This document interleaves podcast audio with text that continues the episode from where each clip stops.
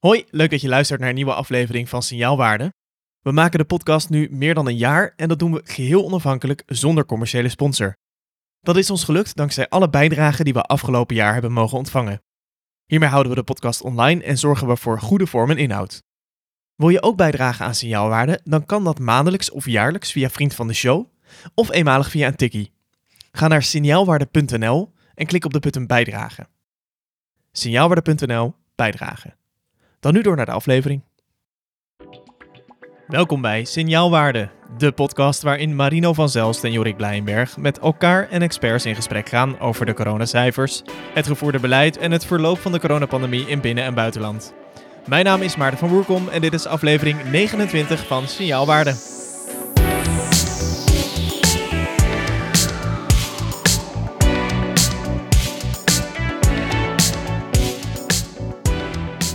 Goeiedag en welkom. Het is vandaag vrijdag 11 februari 2022 en dat is dag 716 van de coronapandemie die we in Nederland beleven.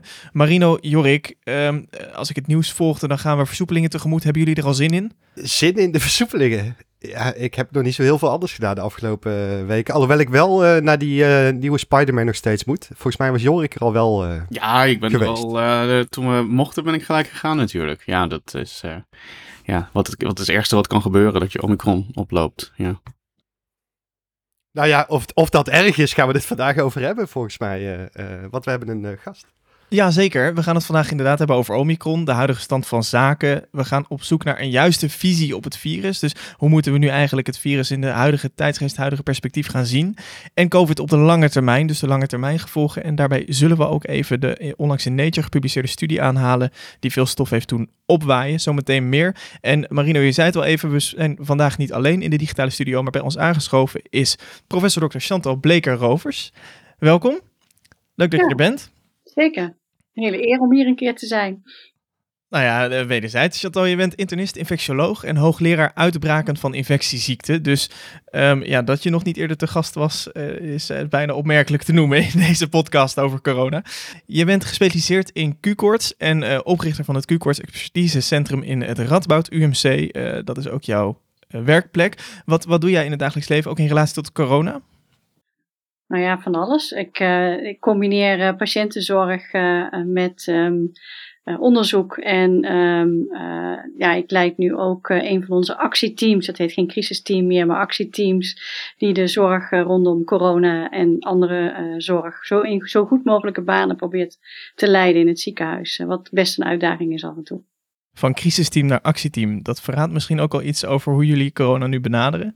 Maar goed, daar straks meer over. Ehm, we hebben in deze podcast altijd een vast rubriekje, het numerieke kenmerk van de actualiteit, waarin we, omdat we toch ooit als cijferpodcast zijn begonnen, een actueel cijfer pakken. En jij had wel iets in gedachten, Chantal?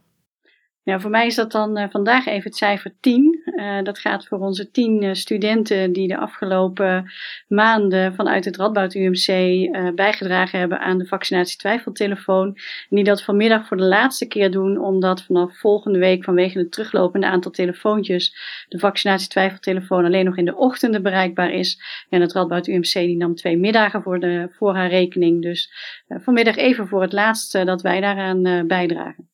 Hoe eh, is dit een beetje succes geweest? Of zeg je van, eh, we moeten eigenlijk gewoon eh, tot, de lengte vandaag ermee doorgaan? Of zeg je van, nou ja, hadden we eigenlijk gewoon niet moeten doen. Die hele vaccinatie twijfeltelefoon. Ja, jij wil natuurlijk altijd graag cijfers horen, want dat vragen heel veel mensen. Hoeveel mensen heb je nou zover gekregen dat ze alsnog een booster of een vaccinatie gingen halen? Ja, die cijfers zijn er natuurlijk niet, want dat hebben we niet bijgehouden. Maar ik moet zeggen dat um, ik er zelf een beetje met wat twijfel aan begon, aan de twijfeltelefoon. Of dat, hoe, hoe, hoeveel dat bij zou dragen. Maar ik moet zeggen dat heel veel mensen die bellen, die stellen toch eigenlijk vragen die we, die we best goed kunnen beantwoorden. Vaak bijvoorbeeld met een medische, een, zeg maar, mensen hebben een medisch probleem en willen weten of ze gevaccineerd kunnen worden, of dat ze de booster wel of niet moeten halen. En het komt echt vaak voor dat aan het einde van het gesprek mensen zeggen, nou, nou nu heb ik genoeg, zijn mijn vragen goed beantwoord, kan ik bij jullie een afspraak maken voor de booster of de vaccinatie? Ja, dat kan dan helaas niet, maar ja, dat doet wel, uh, dat geeft wel de suggestie dat we in elk geval een aantal mensen daar uh, goed mee hebben kunnen helpen.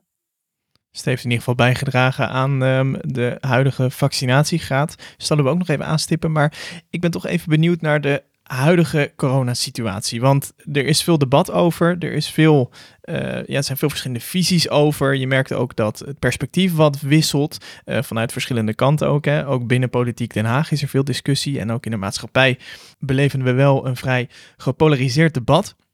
Ik was benieuwd even naar de feiten, want laten we daar beginnen. Hoe staan we er nu eigenlijk voor, Jorik Marino, qua ziekenhuisopnames, besmettingen, uh, sterfte? Nou, wat we op dit moment zien is natuurlijk een ongelooflijk aantal besmettingen per dag. Uh, van de week werden er zelfs bijna 400.000 gemeld op één dag. Uiteraard was dat de correcties um, meegenomen. Hè? Dus het, het, RIVM was aan het opsparen met de meldingen, omdat het er zoveel zijn dat het IT-systeem het eigenlijk niet goed aankon. Um, maar we zien nu eigenlijk gewoon die, uh, nou ja, voorspelde 80.000, 90.000 besmettingen per dag. Zoals het OMT al aangaf van ja, met deze versoepelingen gaat het oplopen tot ergens tussen de 75 en 100.000. Nou, dat was een uh, vrij aardige inschatting. Het zijn er natuurlijk veel meer, want het percentage positief ligt ook gewoon rond de 60%. De testbereidheid um, lijkt iets verhoogd de laatste tijd wel. Um, maar ja, als we nu in de realiteit 150, 200.000 besmettingen per dag hebben, zou ik het ook niet gek vinden. We zien tegelijkertijd wel dat het in de ziekenhuizen um, wel iets oploopt, met name op de verpleegafdeling. Hè, de IC blijft redelijk gevrijwaard eigenlijk uh, van dit alles. Dat zien we ook in andere landen wel. Bijvoorbeeld in Denemarken hebben ze nu de hoogste bezetting ooit in de pandemie. maar de IC blijft gewoon best wel leeg. Um, dus het lijkt zich voornamelijk af te spelen op de verpleegafdeling. Ja, en de vraag is natuurlijk, gaan we daar de komende weken nog een verhoging zien? Dus we zien nu wel wat stijging in de instroom. Maar het gaat ook niet vreselijk hard. Het, nou ja, ik had zelf verwacht dat het wat harder zou gaan. En het blijft toch achter. Waarom? Zijn allerlei verklaringen voor. Uh, mensen kunnen zichzelf goed afschermen. De boosters zijn goed getimed voor deze golf. Uh, voor de Delta-golf zeker niet. Um, maar voor deze golf lijkt ze ook wel goed getimed wat dat betreft. Um, ja, op de een of andere manier vertalen deze besmettingsaantallen zich nog niet in het aantal ziekenhuisopnames, wat we toch in een aantal andere landen wel zien, zoals bijvoorbeeld Denemarken. Um, en ik ben er nog niet 100% achter waarom dat het geval is. Misschien heeft Chantal daar een idee uh, over als internist.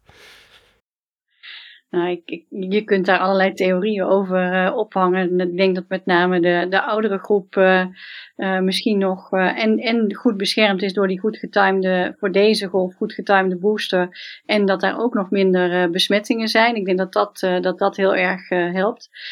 Um, ik vraag me wel af hoe dat de komende tijd zal zijn als er toch nog meer besmettingen um, zouden kunnen gaan ontstaan door eventuele versoepelingen, die ook die groep zullen gaan raken, of dat dan uh, nog steeds uh, ditzelfde ja, relatief gunstige beeld zal laten zien. Ja, en we hebben ook nog de kwestie van de BA2-variant. Dus we hebben de originele Omicron BA1-variant gehad. Nu hebben we dan de nieuwe BA2. De RIVM verwacht dat die dominant wordt over ongeveer een week, dus half februari.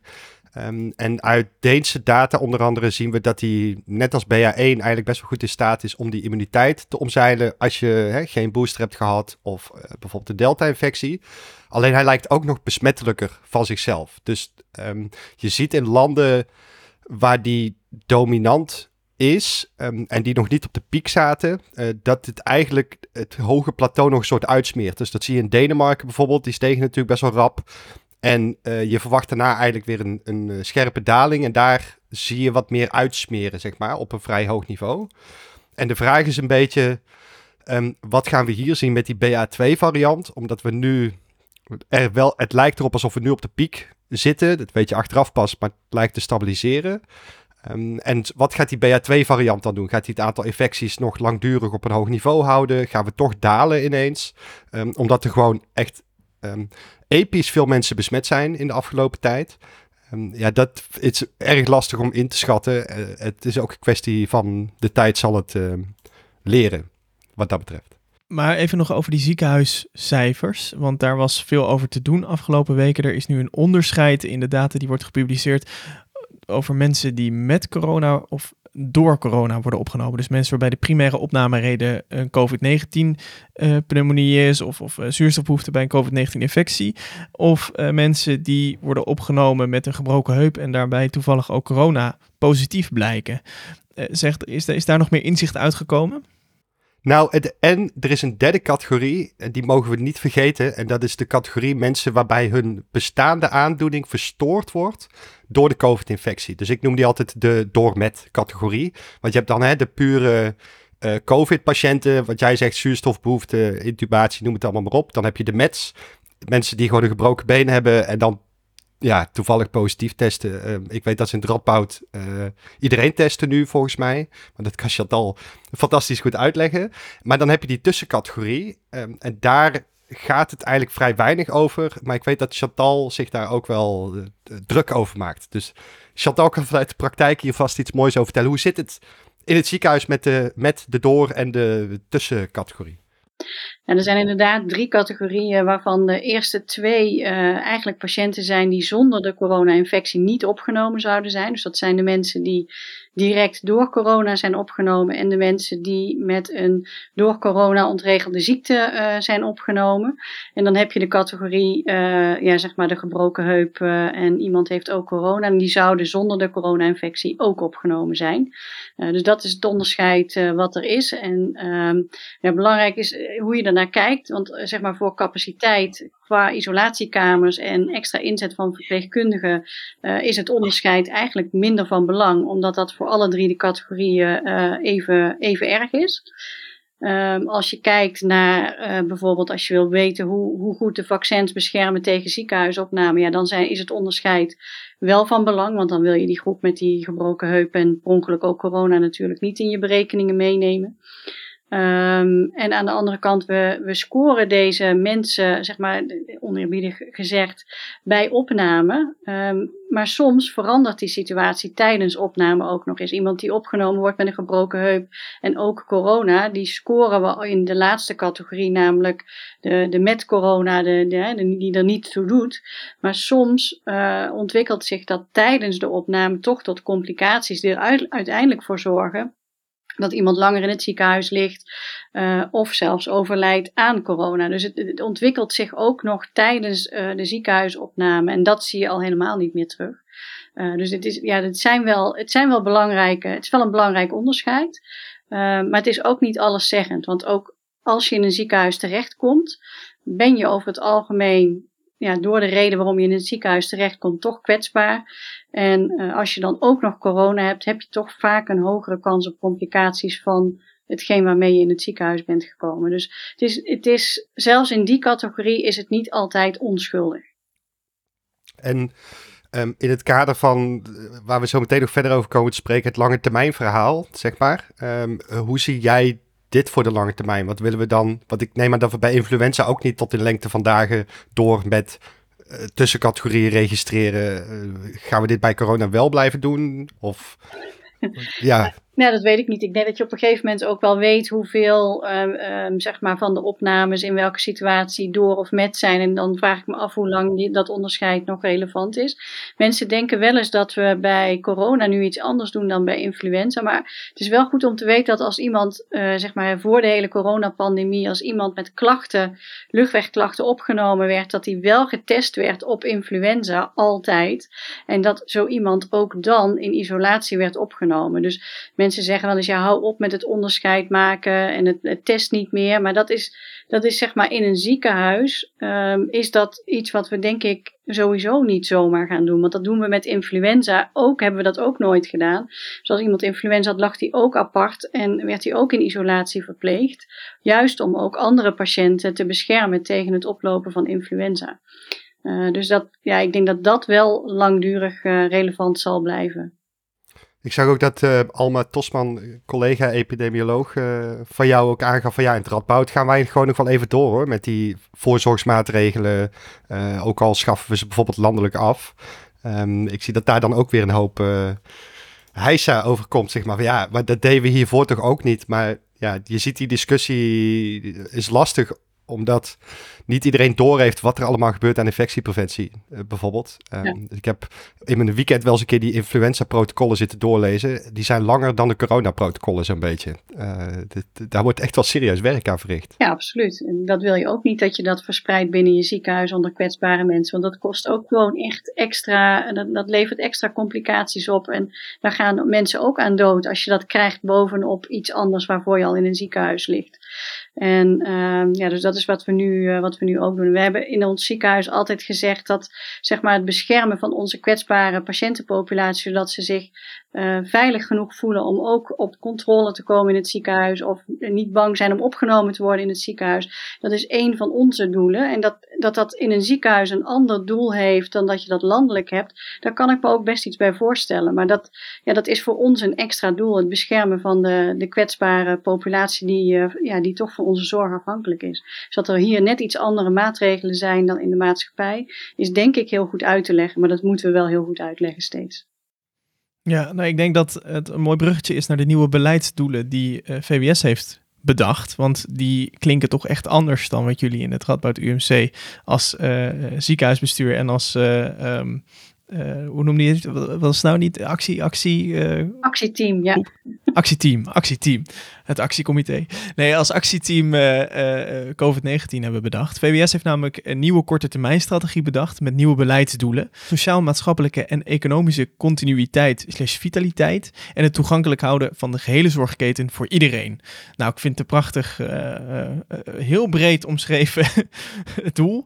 Um, ik, nou ja, ik ben, ben benieuwd naar jullie visie daarop, maar nog even te onderstrepen, we kijken wel echt naar een andere situatie dan eerder, dan ook dan we eerder in deze podcast hebben besproken. Want we hebben het hele over de coronapandemie alsof het één ding is, maar het is duidelijk wat anders. Want op 11 november 2021 maakten wij nog een extra aflevering van Signaalwaarde, een korte, over 16.364 besmettingen. Dat was toen het hoogste aantal besmettingen ooit. Daar schrokken we allemaal enorm van. En nu hoor ik Marino praten over misschien wel 150.000 besmettingen en we kunnen dat wel aan.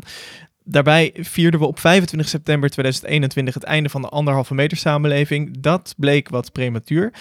Um, maar nu lijken we weer af te stevenen op een einde van de anderhalve meter samenleving. Met een, een nieuwe uh, strategie, nieuwe beleidsdoelen. Past dat allemaal? Is het te rijmen? Hoe moeten we hier nu naar kijken? Ik vond het heel lastig om uh, goed te plaatsen, het nieuwe stuk van, uh, van de minister. Um, en dat komt vooral dat is eigenlijk tweeledig. Um, in het eerste, eerste deel wat me eigenlijk iemand anders me opwees. En wat me eigenlijk wat me pas opviel toen ik het echt dat die opmerking las, is dat we eigenlijk helemaal niet terugkijken in de nieuwe strategie van eh, VWS. Van wat is er goed of uh, fout gegaan in de, in de laatste tijd. Betekent dus ook dat er niet stil is gestaan bij de 30.000 doden die zijn gevallen in de afgelopen twee jaar. En daar enige reflectie uh, op. Dat, dat is er niet geweest in ook dit stuk. Uh, en dat, dat uh, stoort me denk ik wel, omdat je. Um, ik denk dat het belangrijk is in ieder geval om te onderkennen wat we de afgelopen twee jaar hebben doorgemaakt. Zeker als je een transitie wil gaan naar een soort van andere fase. Um, daarnaast wat me gelijk opviel was van, oké, het beleidsdoel, we, we gaan de kwetsbaren beschermen, dat, uh, dat is weggevallen. Um, wat ik eigenlijk altijd wel een soort van mooi beleidsdoel vond om te hebben, of een mooi streven. Uh, maar ook in deze podcast ben ik natuurlijk heel vaak gewoon boos geweest dat we dat gewoon ook niet doen. Ja, dus dat we het in de praktijk niet doen, is misschien ook daarom wel goed dat het er niet meer in staat. Maar ik vond het symbolisch gezien wel echt heel jammer dat dat er is uitgevallen. Omdat ik nog steeds denk dat de groep kwetsbaren heel groot is. En um, vandaag was er op Twitter, zei volgens mij Wijsglas, die had het erover, over de maatregelen. Um, zoals die nu zijn aangekondigd in de brief van de, van de minister van wat we, wat willen gaan doen voor de komende twee weken. Uh, onder andere het afschaffen van de anderhalve meter en uh, misschien de mond-neusmaskers, die plicht dat die komt te vervallen. Um, en daar kwam een reactie op van uh, Tweede Kamerlid van de PvdA, Artje Kuiken. Die zei van ja, we moeten wel echt in proportionaliteit kijken of we dat soort maatregelen zoals de anderhalve meter uh, willen houden. En dat maakte heel veel reacties los van uh, mensen die zich kwetsbaar voelen. en ik denk dat we daar, ja, gevoelsmatig raken we die een beetje uit het zicht. Door het er gewoon niet over te hebben. Um, en als je dat beleidsdoel, beschermen van de kwetsbaren, gewoon ook weghaalt uit de doelen van het beleid, dan, dan, dan ja, lijkt het alsof je dat ook niet meer wil. om het maar heel cru te zeggen. Um, dat is natuurlijk wel een, interpretatie. En we zien natuurlijk een verschuiving van. We zien echt een verschuiving van het perspectief. Dus er is een andere benadering vanuit VWS. Ehm, we benoemden het al in de vorige podcast dat de, de setting van de persconferentie is anders. Rutte zal ook niet aanwezig zijn bij de volgende persconferentie. Het wordt echt een VWS-dingetje. Um, overigens, leuke luistertip. Luister even naar de laatste Haagse Zaken van NRC. Die hebben hier een mooi uh, stuk over met wat parlementair journalisten hierover praten. Dus daar niet te veel woorden aan vuil maken. Maar we uh, even kort de versoepelingen die opstaan voor volgende week zijn uh, horeca open tot 1 uur, geen anderhalve meter meer, geen vaste zitplaats tot en met 500 bezoekers. En nog wel wat uh, coronatoegangsbewijs her en der. Maar um, het, het, het moet echt meer open. En dat is wel de koers ook die VWS lijkt te varen. En de onderliggende vraag die super complex is. Uh, maar die denk ik wel de kern raakt van, van het debat waar we nu in zitten. En dat is ook een vraag waar ik zelf wel mee worstel. Is tot hoe ver reikt nou de maatschappelijke verantwoordelijkheid voor de individuele kwetsbaarheid op het gebied van gezondheid? Ja, ik, ik vind dat een hele, heel moeilijk te beantwoorden vraag. Uh, um, maar ik, ik, ik verbaasde me er eerlijk gezegd wel een klein beetje over dat, uh, zeg maar, in deze fase waarin er zo ongelooflijk veel besmettingen zijn, dat we ook gaan praten over het algemeen loslaten van die anderhalve meter en die mondneusmaskers. En het thuiswerkadvies is eerder ook nog genoemd, dat staat niet in die brief, maar uh, dat is wel ook, ja, nou ja, in de, in de uitgelekte versoepelingen werd dat ook genoemd. Um, en dat is het stukje wat ik wel begrijp op de iets langere termijn, maar wat ik iets moeilijker te begrijpen vind in de huidige situatie met ongelooflijk veel besmettingen. Uh, en dan aan de ene kant, zeker voor de mensen die, uh, die kwetsbaar zijn, wordt het dan wel heel erg moeilijk om zich te beschermen of heel moeilijk om deel te nemen aan de maatschappij. Um, en aan de andere kant zitten we ook in heel veel sectoren, waaronder de zorg, dat er heel veel mensen uitvallen omdat ze tegelijkertijd ziek worden, waardoor um, zeg maar ook de, de kleine toeloop van uh, coronapatiënten toch een enorme uitdaging zijn en, en, en leidt tot, tot veel meer uitgestelde zorg dan in eerdere situaties met deze aantallen. Uh, dus dat is, dat is wel een stukje waar ik me een beetje over verbaas op dit moment. Nou, ik bedoel, we hadden gisteren een pandemic preparedness meeting, Chantal en ik en een heleboel collega's. En jij stond een soort elke uur buiten om uh, capaciteitsmanagement uh, te doen. Dus dat geeft ook wel aan natuurlijk hoe veel impact al die besmettingen hebben um, op, op de capaciteit om die operaties te kunnen draaien. Sint-Janstal gaf van de week ook aan van ja, wij moeten gewoon 30% van de operaties afschalen, want we hebben het mensen gewoon niet. Want ze zitten in isolatie daar kwam Kuipers gisteren met een oplossing voor. Namelijk, we verkorten de isolatieperiode. Misschien wel. Uh, daar moet het ook meteen nog iets over zeggen. Maar je ziet eigenlijk constant de reactie op... ja, er zijn heel veel besmettingen. Dus we gaan eigenlijk er alles aan doen om de impact van die besmettingen... zoveel mogelijk te reduceren door nou ja, allerlei maatregelen aan te passen. Um, zodat het leven toch doorgang kan vinden. Uh, en dat vond ik wel apart. En Um, ja, je zou verwachten dat je minder besmettingen dan wil hebben in plaats van dat je dan de besmette mensen korter in isolatie houdt. Ja, bedoel, we hadden gisteren onderling een discussie en toen, toen uh, zei Maarten ook nog van, hè, maar sturen we nou op besmettingen, waar sturen we nou op, zeg maar? Ja, we, sturen op uh, niets meer, wat de, de, de, ja, tenminste dat idee, ik chargeer even, maar dat idee heb ik een beetje en dat geldt ook ten aanzien van die vraag en ik worstel daar persoonlijk ook wel mee van hoe moet je nu maatregelen en het hè, inzetten van bepaalde maatregelen uh, inschalen, gegeven um, dat dat voor een hele toch wel substantiële groep toch wel serieus risico meeneemt. Uh, maar dat is natuurlijk, je moet alle belangen wegen. En waar ik altijd tegen loopt te ageren, is dat we hier in Nederland een soort digitome discussie hebben met dingen moeten open of dingen moeten dicht. Meer dan dat, we komen niet verder dan dit, weet je wel. En als um, je dan voorstelt van, goh, kunnen we hier een beetje intelligent mee omgaan, zoals bepaalde basismaatregelen vasthouden in risico settings, ik noem maar wat, in het ziekenhuis uh, of in het verpleeghuis, um, dan, uh, ja, dan ja. krijg je ook altijd een hoop uh, Marino, Marino, ik wil daar toch wat tegenwicht aan geven. En dat is, laat ik zeggen, mijn eigen ervaring NS1. op het moment dat je buiten de boel opengooit, is het voor mensen ontzettend ingewikkeld om op andere um, um, plekken zich aan coronamaatregelen te houden. En daar ontstaat heel veel discussie over. Nogmaals, het is mijn eigen ervaring. Het is wat ik op, op mijn werk in het ziekenhuis tegenkom.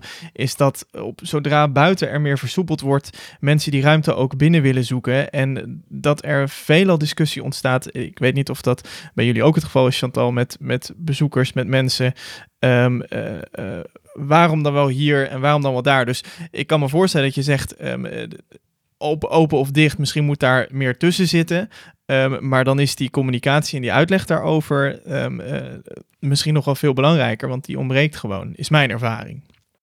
Nou, dat is denk ik helemaal waar wat je zegt, Maarten, dat, uh, dat die uitleg te veel ontbreekt. Uh, want ik denk dat je prima uit kunt leggen waarom je het in bepaalde hoogrisicosettings, waar je wel rekening wil houden met de kwetsbaren, omdat je wel wil dat ze daar veilig aan toe kunnen blijven komen. Um, uh, ik denk dat je het heel duidelijk uit kunt leggen, dat het ook helemaal niet moeilijk is voor mensen om te begrijpen dat het hier anders is in een ziekenhuis of ja, in een verpleeghuis, wat net genoemd werd, dan in de maatschappij. Uh, dat je daar net een ander doel hebt. Uh, ik denk dat dat heel goed uit te leggen is en dat ook heel veel mensen dat begrijpen. Dat is ook iets wat wij, wat wij merken. Je moet het wel uitleggen. Um, maar als je het uitlegt, snappen de meeste mensen het wel en leidt dat toch niet heel vaak um, tot echt heel vervelende discussies. Uh, soms natuurlijk wel, maar dat is eigenlijk de hele coronapandemie ook wel zo geweest. Um, maar je moet het wel uitleggen. Ja, en, dat, weet, uh, uh, en, en daarover nadenken, weet je, want het is natuurlijk communicatie, maar het is ook een gesprek. Uh, en ik, ik blijf dat zeggen, wij vertikken het hier in Nederland blijkbaar om een soort ethisch gesprek te hebben over wat willen we nu bereiken hier met z'n allen. Nou, daarom vond ik die vraag dus ook wel ook... goed van, van Maarten net inderdaad, van wat is precies de afweging tussen wat doe je, wat, wat doe je individueel en wat is, doe je maatschappelijk. Ehm, Kijk, als, als, het gaat om individuele vrijheden, is het natuurlijk voor sommige dingen logisch dat mensen dingen mogen doen. Uh, maar roken bijvoorbeeld uh, heeft ook impact op de mensen om je heen. Dus daarvan hebben we natuurlijk ook best wel wat restricties erop zitten. Uh, als je besmet bent met een dodelijk virus, een virus in ieder geval dat dodelijk kan zijn. elke dag gaan er ongeveer 10.000 mensen dood wereldwijd aan corona. Ehm, ja, dan, dan mag je ook natuurlijk wel als maatschappij uh, dingen vragen van mensen. Um, maar dat, dat is inderdaad een gesprek wat we in ieder geval niet echt zien in de Tweede Kamer. En als ik kijk naar de beleidsdoelen uh, zoals het kabinet ze nu heeft opgesteld, die zijn dus heel algemeen. Want als je kijkt naar de eerste, sociaal-maatschappelijke en economische continuïteit en vitaliteit. Ja, ik mag hopen dat dat een regeringsdoel is altijd. Dat dat geen coronadoel is, maar dat het gewoon een doel is wat de regering sowieso wil bevorderen. Net zoals toegankelijkheid van de gehele zorgketen voor iedereen. En ja, als daar de minister van VWS niet voor is, dan weet ik het ook niet. Dus ik vind ook de doelen die gekozen zijn voor het beleid natuurlijk, ja, daar kan je helemaal niks mee. En ja, ik hoop ook dat in de Tweede Kamer dat daar wel wat tegengas wordt gegeven. Want ja, als je dit opschrijft als twee doelen, dan kan je gewoon geen beleid maken. Dat, dat is onmogelijk. In ieder geval geen coronabeleid. Ja, of je beleid, of je beleid ja. past altijd binnen je doelstellingen. Ja, het past altijd. Nou ja, dat is dus ook maar een beetje de vraag. Omdat als je je beleidsdoelen zo formuleert, dan is het ook heel lastig om. Um, ik, ik, weet niet eens of be beleid er dan echt in kan vallen of niet. Misschien valt ja, ik moet er heel veel, even over nadenken. Laten Misschien, we die discussie. Nou, uh, laat, Marino is natuurlijk hier, nou, Marino is hier natuurlijk wel de expert in doelen en en, en signaalwaardes. En kan je hier wat mee met deze? Nee, nou ja. is een beetje de vraag.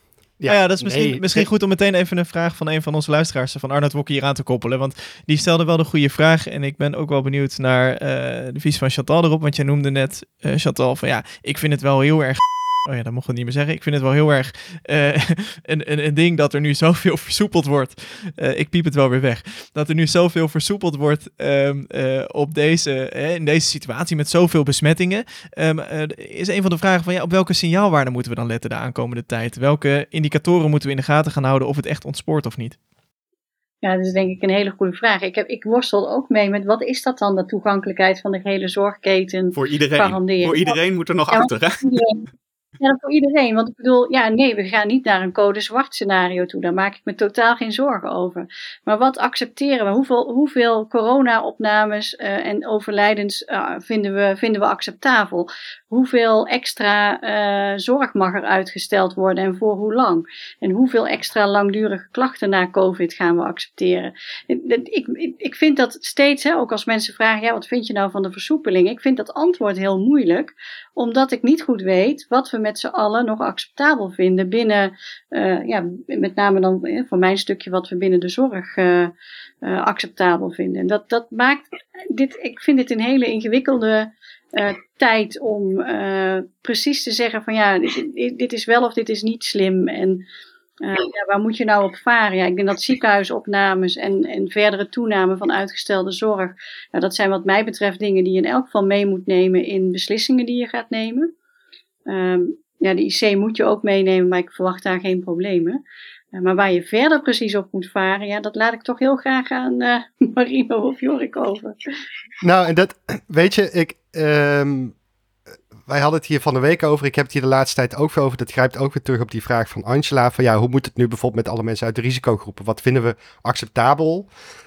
En um, uh, nou ja, eh, politiek filosofisch, want onze luisteraars weten dat wij ook totaal politieke junkies zijn. Ik in ieder geval wel, en Jorik ook. Maarten, Maarten weet ik niet. Um, maar we, we, hadden dit gesprek van de week. Toen zei ik, ik zeg eigenlijk moeten um, mensen die hier een mening over hebben, even het boek lezen van John Rawls. Dat is een politiek uh, filosoof. Die schreef een Theory of Justice en die heeft een, ik vind, super interessant gedachte-experiment. Wat ik maar even mee wil geven, zonder dat ik dan de vraag beantwoord. En hij zegt eigenlijk, iedereen maakt keuzes uh, rondom het herverdelingsvraagstuk. Hè? Dus moet je meer of minder belasting betalen vanuit zijn eigen positie. Dus als je superrijk bent, ben je meer geneigd om te stemmen dat je daarvan minder afdraagt, gemiddeld genomen. En mensen die het niet breed hebben, zullen gemiddeld genomen meer stemmende lijn. Um, dat er meer herverdeling moet plaatsvinden. Hij zei dat werkt dus niet, want je moet eigenlijk een inschatting maken voor de maatschappij. En zijn voorstel is, wat we gaan doen, is we gaan dit uh, vraagstuk uh, behandelen vanuit het idee dat je niet weet of jij daarna rijk of arm bent. Dus je moet een herverdeling en belasting in elkaar steken Um, zonder dat je weet of jij uiteindelijk dan de financiële zakker bent of die nieuwe miljonair. Um, ja, en dan ga je dus een andere risico-inschatting maken. Want dan weet je dat de kans bestaat dat als we dit uitspelen, dat jij dan toch degene bent die onderaan de ladder komt te staan. Um, en zijn hypothese is, dan gaan mensen iets rechtvaardigere verdelingen voorstellen. En dit zou je bij volksgezondheid ook kunnen doen, bij kwetsbaren. Als jij kwetsbaar bent, dan uh, zul jij meer hierover nadenken. Van goh, ik wil dat er rekening gehouden wordt met mijn gezondheidssituatie. En als je totaal niet kwetsbaar bent, dan zul je misschien makkelijk geneigd zijn om te zeggen van ja, weet je, alle disco's weer moet ik rekening houden met iedereen. Moet ik rekening houden met iedereen die kwetsbaar is, zeg maar. Wat als we nu deze vraag proberen te beantwoorden terwijl je eigenlijk niet weet of je wel of niet kwetsbaar bent um, qua gezondheid? Zou je dan nog steeds dezelfde keuze maken? Oftewel, zou je dan nog steeds zeggen van ja, moet ik tot in lengte van dagen rekening houden met kwetsbaren? Ja, misschien ben jij dan wel dus die kwetsbare. Dat weet je dus niet in dit gedachte-experiment. En dan zou dat tot andere politieke keuzes kunnen leiden. Maar dit soort gesprekken hebben wij dus niet op het nationale niveau. En dat zou mijns inziens wel wenselijk zijn. Want anders, ja, ik heb hetzelfde probleem als Chantal. Ik weet niet meer wat verstandig is als ik niet weet wat we met z'n allen proberen te bereiken. Um, hiervoor was dat duidelijk. De IC mag niet overlopen. Um, maar ja, nu gaat dat niet meer gebeuren. Uh, dat betekent niet automatisch dat het probleem dan weg is. Omdat het vorige doel gehaald is, namelijk de IC gaat niet meer overlopen. Um, en dat gesprek, ja, mis ik. Dat zeg ik heel vaak. dus ik blijf het net zo lang zeggen totdat dat gesprek gewoon een keer gaat plaatsvinden. Want anders kan ik mijn eigen werk niet eens doen. Ik denk dat we um, uh, nu heel veel mensen met heel veel uh, gepieker het weekend insturen, maar dat terzijde. Uh, um, en misschien, uh, ja, ja, maar dat is de bedoeling, ja, zeg maar. Ja, ja, dat, dat, dus ik wou zeggen, dit is juist de, de, periode waarop we erover na moeten denken. Je ziet inderdaad dat, het, dat de regering dat in ieder geval niet heeft gedaan, want ze hebben een stuk eruit ge, uitgegooid met twee doelen die zo vaag zijn dat ze altijd gehaald kunnen worden. En een enige concrete plan, al dus een journalist, was we houden 5000 zuurstofapparaten achter de hand. Dat als het een beetje uit de hand loopt, dat we mensen zuurstof gaan geven. En dat, dat is het als concrete plan voor de korte termijn. En het doorkijken naar de lange termijn was dat we geen plan hebben. Je bent zo optimistisch, Jorik. Ik vind het heel, wel, eh, ik vind het wel fijn. Jemig. Nou ja, nou ja, ik was nog steeds over die signaalwaardes aan, eh, aan het nadenken. En wat vinden we belangrijk en niet. En elke dag gaan er nu gemiddeld gaan er nu acht mensen dood. vinden we doden nog erg, ja of nee? Volgens mij hebben we dat nooit erg gevonden, dus nu ook niet. Maar ja, op het moment dat, je, dat er een jongetje in een put overlijdt, dan krijgt er een pushbericht. En net zoals twee mensen overlijden door een, een lawine in Frankrijk ook een pushbericht. Maar die 15 doden van gisteren die gemeld worden door het RIVM, dat zijn geen pushberichten. Dus ja, het, het, ik had ook in de podcast ook in die discussie erover van de, de, het gevoel over corona, dat verandert ook uh, de hele tijd uh, bij mensen. Want in het begin van de crisis weten we nog wel, de eerste doden, dat was groot nieuws. Nou, die 15 doden van gisteren die gemeld zijn, ja, niemand heeft het erover. Dus ja. Nee, maar ik denk dat, dat het gevoel van corona wat verandert. Ik denk dat, dat dat ook meespeelt in het beleid wat nu gevoerd wordt. Want ik denk, als ik het even plat zeg, uh, is dat dit ook enigszins ingegeven wordt met het sentiment dat corona misschien wel voorbij aan het gaan is. Ja, maar met 10.000 mensen die per dag wereldwijd doodgaan, uh, is, het nog, is de pandemie nog niet voorbij. Uh, dus, en de, dus en de epidemie nee, dus in Nederland, loopt die op het einde? Ja, weet Chantal, misschien kun jij daar wat... Ja. Uh... Nou ja, ik denk dat dat echt ook nu nog niet, nog niet het geval is. Als je ziet hoeveel mensen er nog steeds ziek worden. Uh, en het, het gaat echt niet alleen maar om mensen die thuis in isolatie niet ziek zitten te wezen. Er zijn er wel degelijk mensen die, veel mensen die toch een aantal dagen echt daar beroerd van zijn. Um, en als we dat steeds uh, een aantal keren per jaar met z'n allen mee moeten maken, dan weet ik ook niet of we daarop zitten te wachten. En aan de andere kant, ja, ik bedoel, ja, wat Marino gisteren, of wat, wat Marino net al zei. Ik ben uh, gisteren de hele dag door bezig geweest om nog proberen ergens wat bedden te, te regelen. Ben wat verpleegkundigen uh, te herrangschikken, zodat we zoveel mogelijk zorg door kunnen laten gaan. En we hebben toch weer een, een heel extra OK-programma, terwijl er al OK-programma's gesloten waren, eruit moeten halen voor vandaag, omdat het gewoon niet rond te krijgen is. Ja, dat vind ik niet, dat past niet bij iets waarvan ik zeg, nou de epidemie is voorbij. Uh, voor mijn gevoel is de epidemie nog niet voorbij. We zijn wel absoluut in een betere situatie dan we een jaar geleden of zelfs een half jaar geleden waren. Dat, dat is ook wel weer waar. Dus het is wel een hele andere situatie, maar het is niet voorbij. Oké, okay, dan ben ik benieuwd hoe we dat in de toekomst... Volgens mij... Uh, ja, Marino? Nou, ik dacht, ik dacht, er is ook zo'n studie die keek naar uh, hele lange termijn effecten. Wat voor die mensen was het dan ook niet uh, voorbij. Um, in Nature Medicine, zo'n studie over uh, ik vind het nee, ik vind een matig bruggetje wat je maakt. nou, dat doe jij tegen. Nee hoor, nee, nee, nee. Knippen we hem en jij, jij, jij doet het bruggetje maar. Nee hoor, nee, nee, knip, ik klaar. knipt helemaal niks uit. Nee hoor, uh, nee, het, het, is inderdaad wel een leuk haakje erin. Want het is dezelfde kant die ik, uh, die ik op wilde. Um, uh, we hebben het nu redelijk uitgebreid gehad over de huidige situatie. Um, maar het is dus nog niet het einde. Dat betekent dus ook dat we over de lange termijn moeten gaan nadenken van corona. Omdat de situatie wel verandert. En afgelopen week, Marino, daar refereer jij net aan is uh, op Twitter een hoop uh, en in de media een hoop uh, stof gaan opwaaien door een studie die in Nature Medicine werd gepubliceerd. In de show notes vind je de link naar die studie. En dat is een studie waarin onderzoekers specifiek keken naar hoe vaak hart- en vaatziektes opkwamen na een jaar, zeg ik dat? Later na COVID. Ja, een jaar. Ja. En dan tot, tot, tot een jaar. Ja. Een cohort liep tot vorig jaar. Ja. Ja, en dan niet enkel um, uh, bij mensen die een ernstig beloop hadden, maar bij uh, mensen in allerlei gradaties, uh, die in allerlei gradaties COVID-19 hadden doorgemaakt. D die studie, hoe moeten we daar naar kijken? Chantal, kun jij ons meenemen door die studie heen? Is het, is het iets problematisch? Hoe moeten we hier naar kijken? Nou, ik denk dat het een, heel goed opgezette studie is. In elk geval de data die ze hadden, daar hebben ze, uh, ja, voor zover als ik dat kan beoordelen, dat kan Marino veel beter dan ik, uh, hebben ze daar echt wel alles uitgehaald wat er uit te halen valt. Um, en ik denk dat het belangrijk is om te zeggen dat het een, uh, een groep mensen is die um, um, van voor de, de vaccinatietijd, dus de meeste mensen in deze studie die zijn niet gevaccineerd en hadden waarschijnlijk voor de eerste keer COVID. Um, en die zijn een jaar lang gevolgd. Uh, ze hebben gekeken naar de gevolgen tussen de vier weken na de corona-infectie en een jaar daarna. En dan zie je dat er uh, uh, eigenlijk op alle, alle hartvaatziekten um, dat vaker voorkomt bij de mensen die corona hebben gehad. en in dat hele eerste jaar. En je ziet wel dat die uh, effecten meer uitgesproken zijn in de groep die ernstiger ziek is geweest. Dus de groep die uh, in het ziekenhuis terecht is gekomen en nog meer in de groep die op de intensive care terecht is gekomen. Uh, maar je ziet wel dat het in alle subgroepen waar ze naar gekeken hebben, zie je een effect en zie je dat er meer hartvaatziekten optreden. Dus ook de mensen zonder um, uh, voorgeschiedenis van hart-vaatproblemen of andere belangrijke, hè, zeg maar de, de mensen die zichzelf niet kwetsbaar uh, vonden, uh, ook daar zie je dat effect. Um, ja, er zijn ook wel wat kanttekeningen bij deze studie te zetten, hè, want het is, zijn vooral uh, toch wat oudere mensen die daarin zitten. De gemiddelde leeftijd was geloof ik net boven de 60 jaar. Um, uh, dus ja, dat maakt natuurlijk wel uit. Je kunt het niet direct naar de hele uh, Nederlandse bevolking um, uitzetten. Maar ja, ik, ik vind dit wel een belangrijke studie in de zin van dat zeg maar, de effecten van corona zich niet beperken tot de acute situatie en niet alleen maar tot long covid, maar dat er veel meer lange termijn gevolgen zijn. En hier is vooral gekeken naar hart-vaatziekten. Er zijn ook al uh, studies die, die laten zien uh, dat, dat je nierschade kan krijgen door, uh, door, de, door het coronavirus.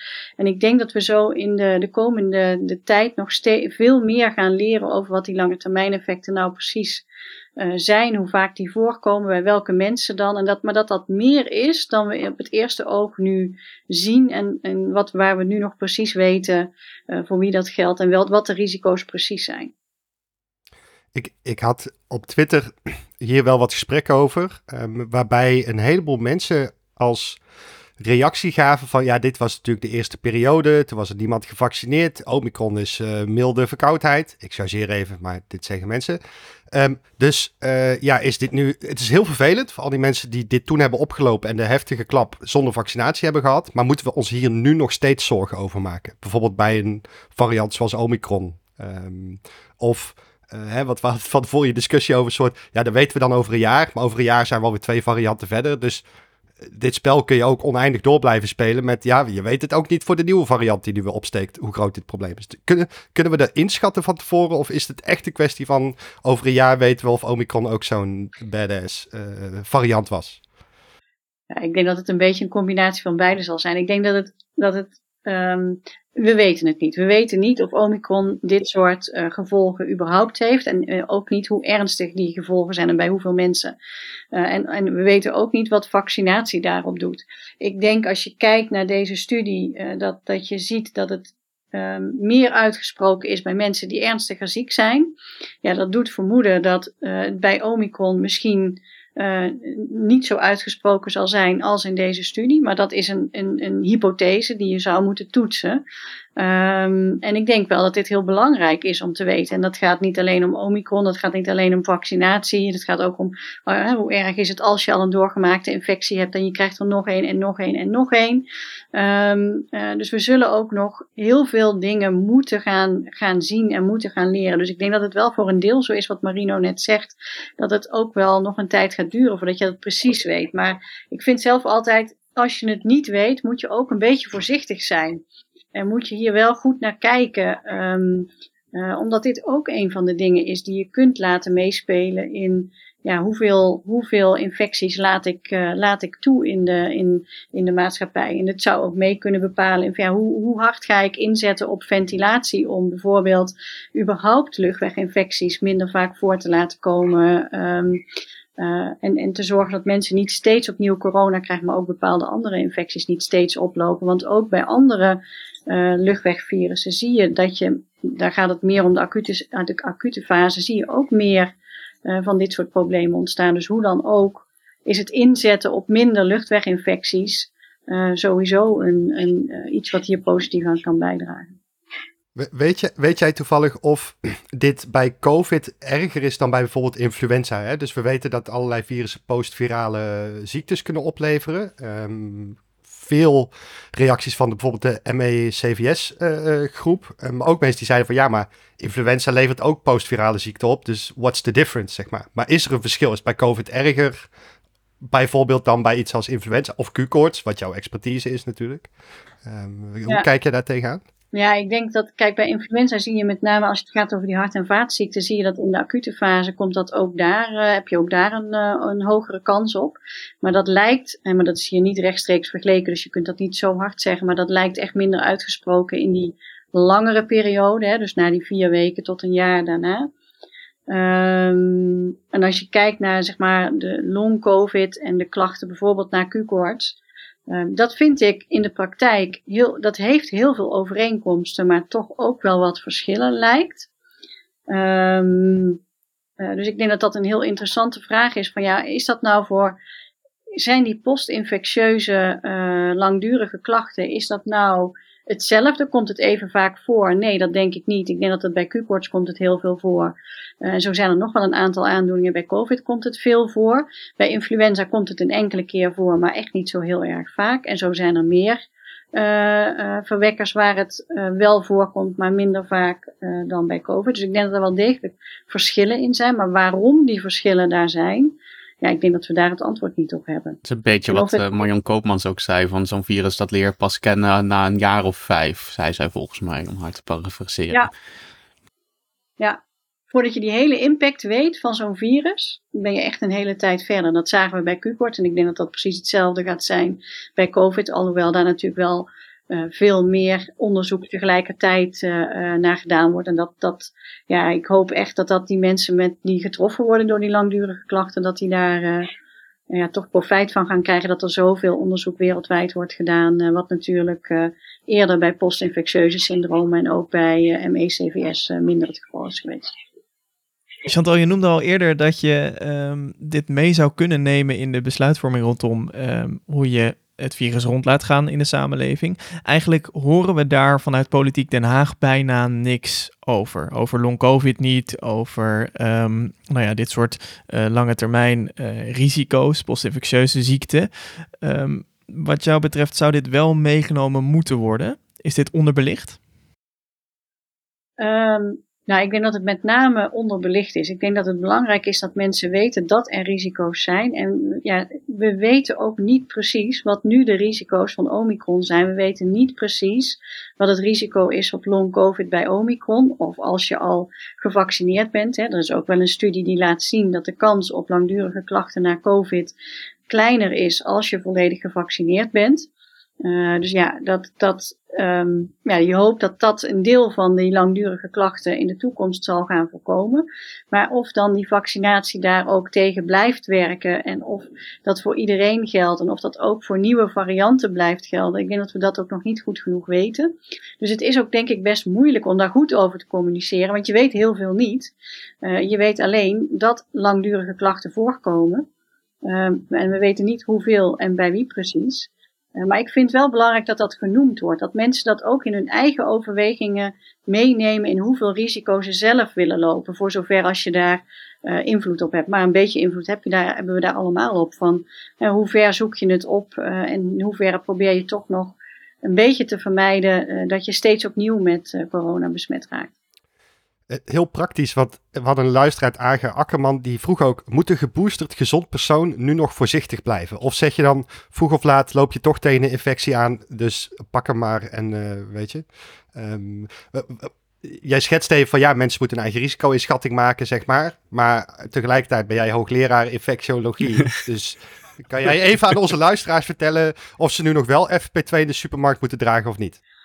Bijvoorbeeld. Uh, nou, kijk, als de vraag is van ja, um, loop hem maar op, want je krijgt hem toch sowieso. Uh, ik denk dat dat, uh, dat, dat is in elk geval niet iets wat ik, uh, wat ik zelf doe. want ik weet, je weet ook dat, je, dat, dat, er, dat er een kans is dat je het na een paar weken weer oploopt en weer oploopt en weer oploopt.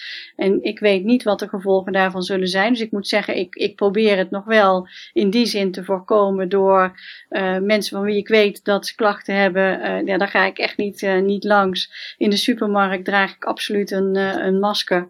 En um, ik weet niet uh, of ik direct uh, bij hele grote evenementen waar heel veel mensen bij elkaar zouden komen, als daar niet vooraf getest wordt, ja, dan, dan sta ik niet vooraan om daar heen te gaan. En probeer, ik probeer het toch in zekere zin nog wel te vermijden. Um, en niet, niet kosten wat het kost, echt niet. Um, maar Ja, ik, ik, ik, Je, zoekt, je zoekt ook niet de randjes op. Nee, ik zoek maar. niet de randjes op. En ik, ik, ik heb zelf geen moeite met het dragen van een masker. Dus ehm, ja, waar het moet en waar het eenvoudig kan, eh, eh, draag ik dat ook. Zou ik, ik zou, wel een situatie zijn als een hoogleraar infectiologie zegt al die persoonlijke beschermingsmiddelen voor virussen, daar ga ik echt niet aan beginnen. Het zou ook wel een hele rare situatie zijn, toch? Nee, dat klopt Marino. Maar wij zaten gisteren in een meeting eh, met een aantal mensen. En het was allemaal netjes op anderhalve meter. En in een situatie waarin je zittend je masker af mocht. Eh, maar volgens mij waren jij en ik eh, en eh, nog eh, een beperkt aantal anderen hebben hem, hebben hem niet afgedaan. Terwijl dat wel had gemogen. Dat soort dingen bedoel ik meer. Volgens de regels mag het, want als je zit, kan je geen virus oplopen. Dat weten we allemaal. Ja, precies. Aha. Alleen als je staat en beweegt. Praktische andere vraag van eh, eh, B. Hendricks. Hoe groot is de kans op long-covid na vaccinatie, respectievelijk booster? Oftewel, weet jij van onderzoeken die zeggen van goh, vaccinatie helpt ook om die kans op langdurige klachten te verminderen eh, of de booster? Ja, ik heb wel, er is één onderzoek geweest dat gekeken heeft naar het effect van ehm, eh, vaccinatie en de kans op het eh, oplopen van long covid. En ehm, in dat onderzoek eh, zag je echt dat die kans kleiner was. Ehm, met name bij eh, de wat oudere populatie, dat eh, als zij corona kregen na een vaccinatie, dat dan de kans op langdurige klachten veel kleiner was. Ehm, dus dat lijkt wel degelijk ook daartegen te helpen. Of dat ook voor de jongere leeftijdsgroep die daar niet goed in onderzoek, die daar niet in zat, of dat ook geldt, ja, dat, dat kunnen we denk ik niet zeggen. Ehm, maar het lijkt wel degelijk wat te doen. Dus ook om die reden, als je dat wil voorkomen, is eh, vaccinatie nog steeds een slimme keuze. Die, vaccinatietwijfeltelefoon eh, zit ook in signaalwaarde vandaag.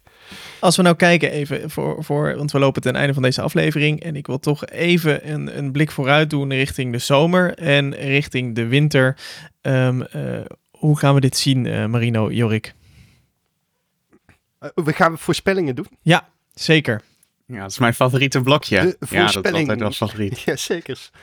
Even, eh, eh, en voor Chantal, eh, Maarten stelt vragen wanneer kan ik weer op het café, wanneer kan ik naar Kan hij zijn verjaardag wanneer- nog vieren? Want ik weet dat hij de vorige keer zei, eh, dat is in februari. Eh, volgens mij komt Ja, dat, dat klopt, er dan ja. al snel aan.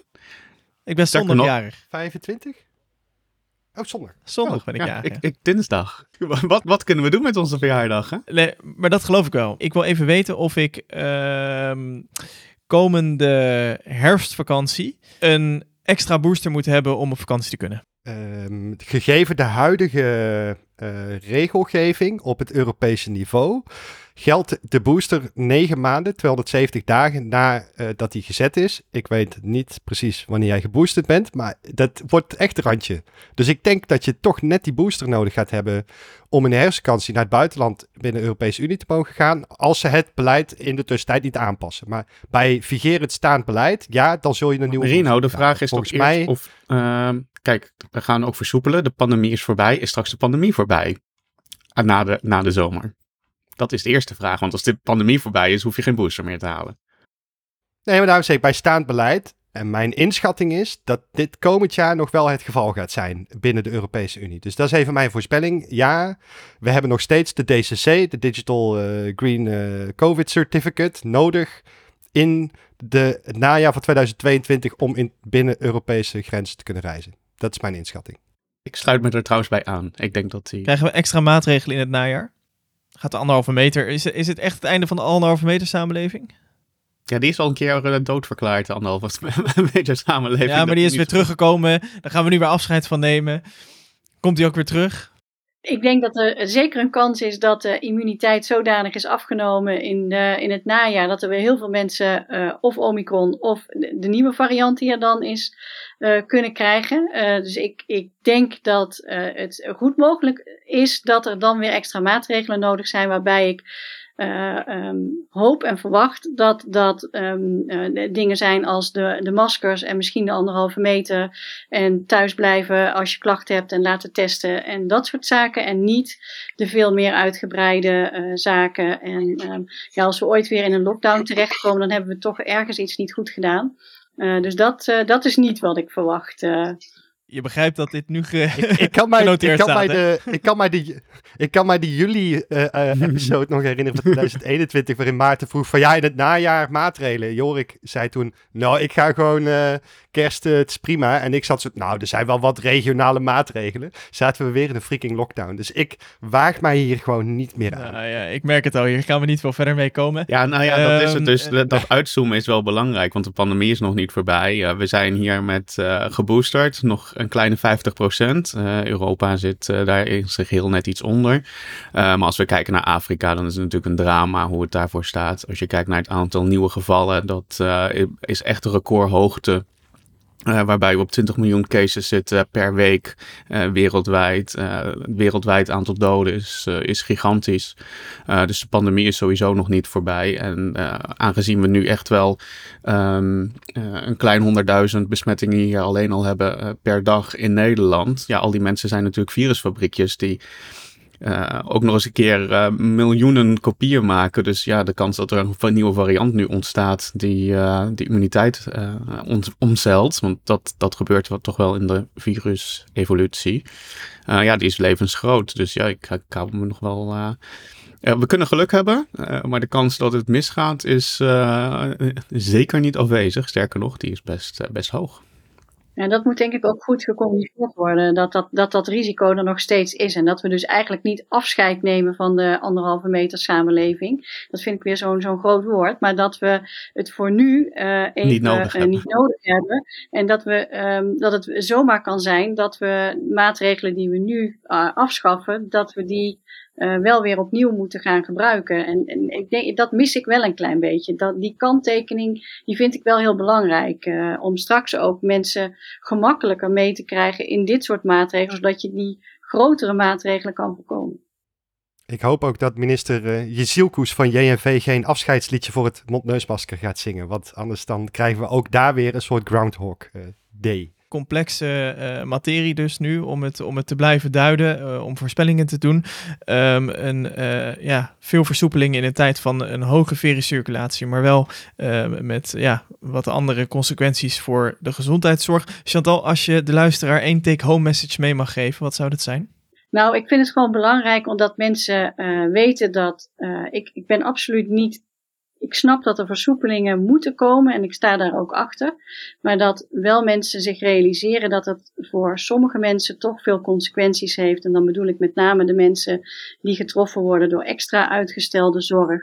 En de kwetsbaren voor wie het moeilijker uh, wordt om zichzelf te beschermen. En dat we daar rekening mee houden. Staat genoteerd. Dankjewel voor je komst en voor je deelname aan de podcast. Graag gedaan. Dit was Signaalwaarde en dat is een podcastproductie van Maarten van Woerkom naar idee van en mede ontwikkeld door Marina van Zelst en Jorik Blijnberg. Je kunt Signaalwaarde volgen in je favoriete podcast-app zoals Spotify, Google Podcast of Apple Podcast. En bij die laatste en bij Spotify willen we je vragen om een review achter te laten, want dat helpt dan anderen weer om deze podcast te ontdekken. We willen onze grote dank uitspreken voor iedereen die Signaalwaarde financieel heeft gesteund, want met jullie bijdrage houden we de podcast online en zorgen we voor een nog beter eindresultaat. Financieel bijdragen kan aan signaalwaarde door vriend van de show te worden. Ga je voor naar vriendvandeshow.nl slash signaalwaarde en meld je aan. Je kan ook bijdragen via een tikkie. Ga je voor naar onze eigen website signaalwaarde.nl en klik op de button bijdragen. Hier kun je ook je vraag kwijt voor in de uitzending of je feedback insturen, want daar staan we altijd voor open. Dit was het voor deze keer. Bedankt voor het luisteren en tot de volgende aflevering.